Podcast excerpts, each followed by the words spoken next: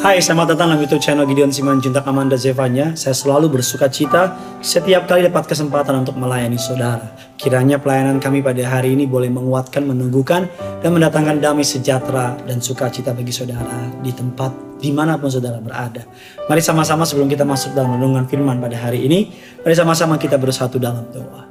Bapak yang baik, Bapak yang kami kenal di dalam nama Tuhan Yesus, kami mau siapkan hati kami, sambut kebenaran firman Tuhan. Urapi hambamu, lidah bibir perkataannya diurapi dari surga. Kata kalimat yang keluar, biar nama Tuhan saja yang dipermuliakan. Segala yang jahat, kami cabut, kami patahkan kuasa. Allah Roh Kudus, Engkau disambut, dinantikan, bekerjalah dengan leluasa dalam setiap kami. Pakailah kami untuk boleh menjadi berkat, dan berkatilah juga umatmu, agar mereka boleh mengerti kebenaran firman, dan firman itu memerdekakan mereka, membuat mereka kuat dalam menjalani hari depan hari. Di dalam nama Tuhan Yesus. Amin. Sikap yang benar dalam menghadapi pencobaan. Nas Alkitab terambil dalam Mazmur 141 ayat 1 dan 4. Firman Allah, Mazmur Daud, Ya Tuhan, aku berseru kepadamu, datanglah segera kepadaku. Kata Alkitab, berilah telinga kepada suaraku, waktu aku berseru kepadamu. Biarlah doaku adalah bagimu seperti persembahan ukupan, dan tanganku yang terangkat seperti persembahan korban pada waktu petang. Awasilah mulutku ya Tuhan, berjagalah pada pintu bibirku. Janganlah condongkan hatiku kepada yang jahat untuk melakukan perbuatan-perbuatan fasik bersama-sama dengan orang-orang yang melakukan kejahatan. Dan jangan aku mengecap segala bau-bauan mereka. Firman Allah yang kita baca hari ini adalah sebuah pengingat untuk saudara dan saya. Bagaimana sikap yang benar ketika kita menghadapi pencobaan. Kita mengatakan selama pandemi dua setengah tahun di belakang, kita tahu bahwa kehidupan ini berguncang dengan luar biasa. Kitab sudah menubuatkannya. Akan datang masa-masa yang sukar, masa-masa yang sulit. Keadaan berubah dengan total. Cara kita bekerja, cara kita makan, cara kita memandang kesehatan, bahkan cara kita memandang kehidupan berubah dengan secara signifikan. Nah, apa yang perlu kita pelajari? Kita mengatakan ada begitu banyak respon orang ketika masa suka datang dalam hidupnya. Ada yang marah-marah sama Tuhan, ada yang maki-maki Tuhan, ada yang kecewa, ada yang lari, ada yang jadi ateis, bahkan ada juga yang diam sih, tapi hatinya menyimpan kepahitan dan kebencian. Nah, bagaimana cara kita meresponi masalah? Dari ayat pembacaan yang kita baca, kita mau belajar bagaimana Daud menyikapi masalah atau pencobaan yang dihadapinya. Daud adalah raja yang termasuk paling sering mengalami masalah. Dikejar-kejar oleh musuh, dikejar-kejar oleh raja, dikejar-kejar oleh anaknya sendiri, bahkan mengalami begitu banyak masalah demi masalah. Tapi Daud keluar sebagai pemenang. Kita akan belajar dari Raja Daud bagaimana dia meresponi atau menyikapi masalah atau pencobaan yang dihadapinya. Yang pertama, di ayat yang pertama kata kuncinya. Mazmur Daud, ya Tuhan, aku berseru kepadamu datanglah segera kepadaku, berilah telinga kepada suaraku, waktu aku berseru kepadamu. Berseru kepadamu. Langkah pertama, pertolongan pertama di saat kita mengalami masalah adalah berseru kepada Tuhan. Dalam Yeremia 33 ayat yang ketiga, berserulah kepadaku maka aku akan menjawab engkau. Aku akan memberitahukan kepadamu hal-hal yang besar yang tidak terpahami, yakni hal-hal yang tidak kau ketahui. Artinya bahwa berseru kepada Tuhan saat menghadapi masalah adalah jalan terbaik. Karena manusia hanya bisa dengar, nolong kagak, ngomongin iya. Tapi Tuhan dapat mendengar dan juga sanggup menjawabmu. Berseru yang dimaksud oleh Daud bukan berseru sekedar berteriak. Tapi berseru yang dimaksud oleh Daud adalah sebuah tindakan memanggil atau menarik perhatian dengan hanya bukan hanya suara yang nyaring, tetapi dengan kebulatan hati. Bulat gitu, berharap sama Tuhan. Jadi ketika kita ada masalah, tidak cukup diam dan tenang. Tapi kita harus benar-benar berteriak kepada Tuhan minta tolong. Seperti seorang yang terkurung di dalam rumah, yang ingin membutuhkan pertolongan supaya ada orang yang menolongnya dan melepaskan dia dari rumah tersebut. Teriakannya membuat orang datang untuk menolong dia. Ketika saudara sedang menghadapi masalah, berserulah kepada Tuhan, berteriak kepada Tuhan, hancur hati menangis kepada Tuhan. Saya uh, rumah saya dua lantai saudara, sebenarnya 20 lantai, orang kaya saudara. anak saya tidur di atas, saya ingat banget berkali-kali anak saya Genesaret tidur dia. Orang-orang nggak dengar, tapi saya papanya dengar. Somehow kita punya bonding, punya ikatan.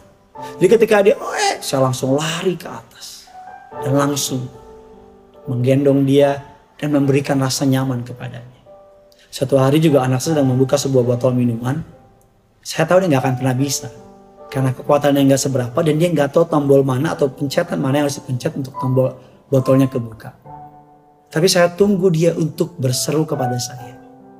Dan ketika dia berseru kepada saya, saya langsung datang. Galak di bawah under 5 second. Di bawah 5 detik langsung kebuka. Terus dia bilang sama saya, aduh tahu gitu gini panggil papa dari tadi. Saya bilang sama dia, that's why. Kalau kamu ada masalah, panggil Tuhan. Jangan keburu kusut dulu. Jangan udah terlalu rugi dulu. Jangan terlalu hancur dulu. Baru panggil Tuhan. Pertolongan pertama menghadapi masalah. Berseru, cry out to God. Teriak kepada Tuhan. Ada seorang pengemis namanya Bartemius. Ketika Yesus lewat di depannya dia berkata, Jesus son of David have mercy on me. Yesus anak Daud kasihanilah aku. Orang banyak mengatakan menyuruh dia berdiam. Dalam Markus 10, 47 kata, diam, diam, diam orang banyak. Tapi orang buta itu Bartimeus terus berteriak, Yesus anak Daud, have mercy on me. Dan Yesus yang dalam perjalanan berbalik dan berkata kepada orang buta itu, apakah yang ingin kau hendak aku lakukan? Orang buta itu berkata, Rabuni. Mungkin dunia berusaha membungkam suara kita dengan berkata, udah jangan berharap yang tinggi-tinggi. Jangan minta yang besar-besar nanti kecewa. Tapi terus berseru, berteriak kepada Tuhan. Sampai matamu melihat yang mulutmu doakan. Kalau saudara meminta rumah, terus berseru sama Tuhan. Sama seperti kontraktor bangun rumah. Doamu yang pertama mungkin bangun batu batanya. Doamu yang kedua mungkin sedang bangun pagarnya. Terus berdoa. Karena doamu membangun rumah saudara. Terus doa, doa, doa, doa. Ketika tiba waktunya, rumahnya sudah jadi. Tuhan akan berikan sama saudara. Minta keturunan terus berdoa. We never know. Kita gak pernah tahu di alam roh. Allah sedang bekerja mendatangkan kebaikan kepada saudara. Setelah berseru kepada Allah, kita mengatakan poin yang kedua. Biarlah doaku adalah bagimu seperti persembahan ukupan. Dan tanganku yang terangkat seperti persembahan korban pada waktu petang. Pertolongan kedua menghadapi pencobaan adalah berdoa kepada Tuhan. Sound simple, sounds ordinary, terlalu sederhana, terlalu biasa saja. Tetapi doa bukan sekedar banyak orang bilang, aduh nggak bisa apa-apa lagi, cuman bisa doa. Aduh udah mentok nih, cuman bisa doa. Jangan pernah taruh kalimat cuman setelah kalimat doa. Karena doa saudara so powerful. Doa saudara dapat mengubah hidup saudara. Doa saudara akan dapat menarik kuasa yang maha dahsyat itu bergerak kepada saudara. Doa digambarkan oleh Daud seperti persembahan ukupan. Persembahan ukupan artinya doa tersebut naik kepada Allah. Ketika engkau berdoa kepada Tuhan, Tuhan di surga menerima doa saudara. That's why doa perlu dibawa dalam persembahan, dalam penyembahan, dalam ucapan syukur. Ketika berdoa jangan langsung minta. Tapi ketika berdoa naikkan syukur saudara. Bersyukur untuk apa yang saudara telah terima. Setelah bersyukur berikutnya naikkan penyembahan. Siapa dia kepada saudara. Penyembahan adalah berbicara mengenai siapa Tuhan bagi saudara. Nyatakan dia Allah yang agung, Allah yang dahsyat, Allah yang luar biasa. Ketika penyembahan saudara sudah naik, ucapan syukur sudah naik. Ucapan syukur adalah apa yang Tuhan sudah perbuat. Ucap syukur persembahan atau penyembahan kita adalah siapa Tuhan bagi saudara. Jadi yang pertama terima kasih untuk yang Tuhan lakukan. Sebagai contoh, terima kasih Tuhan sudah kasih saya keturunan. Terima kasih Tuhan sudah kasih saya rumah. Terima kasih Tuhan sudah kasih saya berkat. Persembahan atau penyembahan. Penyembahan adalah berbicara engkau agung, engkau dahsyat, engkau mulia. Sebut apa pun yang Alkitab tulis tentang siapa Tuhan kita. Baru yang terakhir, S, minta sama Tuhan naikkan persembahan. Matius 7 ayat yang ketujuh. Mintalah, maka akan diberikan kepadamu. Carilah, maka kamu akan mendapat. Ketuklah, maka pintu akan dibukakan bagimu. Bagian yang ketiga Kita mengatakan, Mazmur 66 ayat 19-20 masih bagian kedua maksud saya. Sesungguhnya Allah telah mendengar, ia telah memperhatikan doa yang kuucapkan. Terpujilah Allah yang tidak menolak doaku dan tidak menjauhkan kasih setianya daripadaku. Haleluya. Yang ketiga yang terakhir bagaimana supaya saudara dan saya kita katakan hidup sikap kita di tengah cobaan, menjaga perkataan dan menjauhkan diri dari kejahatan. Awasilah mulutku ya Tuhan, berjagalah pada pintuku, janganlah condongkan hatiku kepada yang jahat untuk melakukan perbuatan-perbuatan yang fasik. Daud tahu betul bahwa ketika dalam tekanan, dalam masalah berat, maka sangat mudah untuk mengeluarkan perkataan-perkataan yang menyakitkan capek, lapar, lelah, depresi, stres adalah sebuah apa ya rumus baku untuk keluar kata-kata yang sia-sia. Kalau udah capek, lagi stres, lagi banyak pikiran, daripada saudara nyakitin orang lain, mendingan masuk kamar. Biar saudara nggak nyesel nanti sama perkataan saudara. Saya suka bilang sama istri saya kalau lagi capek, sayang aku lagi capek. Ngomongnya nanti ya.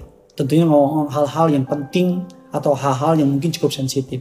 Karena biasa orang kalau lagi capek, kurang tidur, kurang istirahat, kurang makan juga, tiba-tiba diajak ngomong sesuatu yang sensitif, kemungkinan sebagai manusia bisa meledak.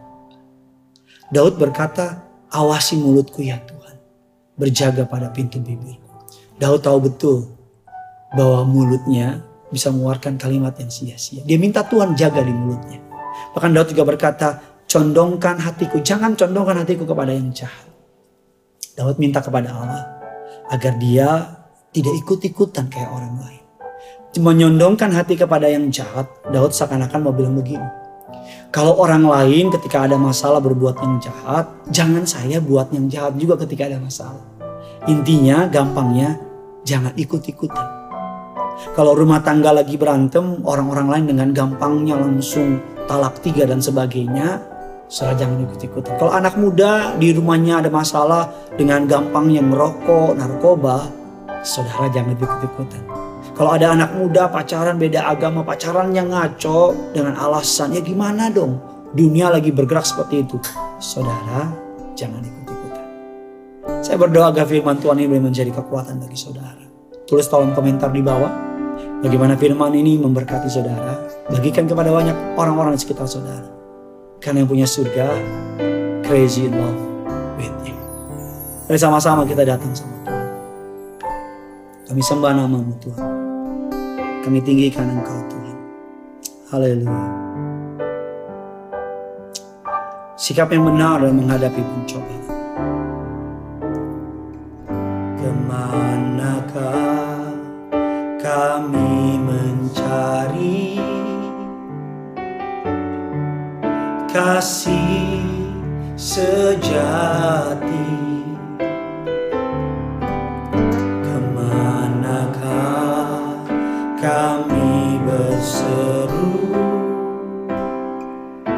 Saat badai datang menderu Yang kami tahu hanya kau yang mampu. Pulihkan segala sesuatu. Kami perlukan keajaibanmu kami butuhkan sentuhan tanganmu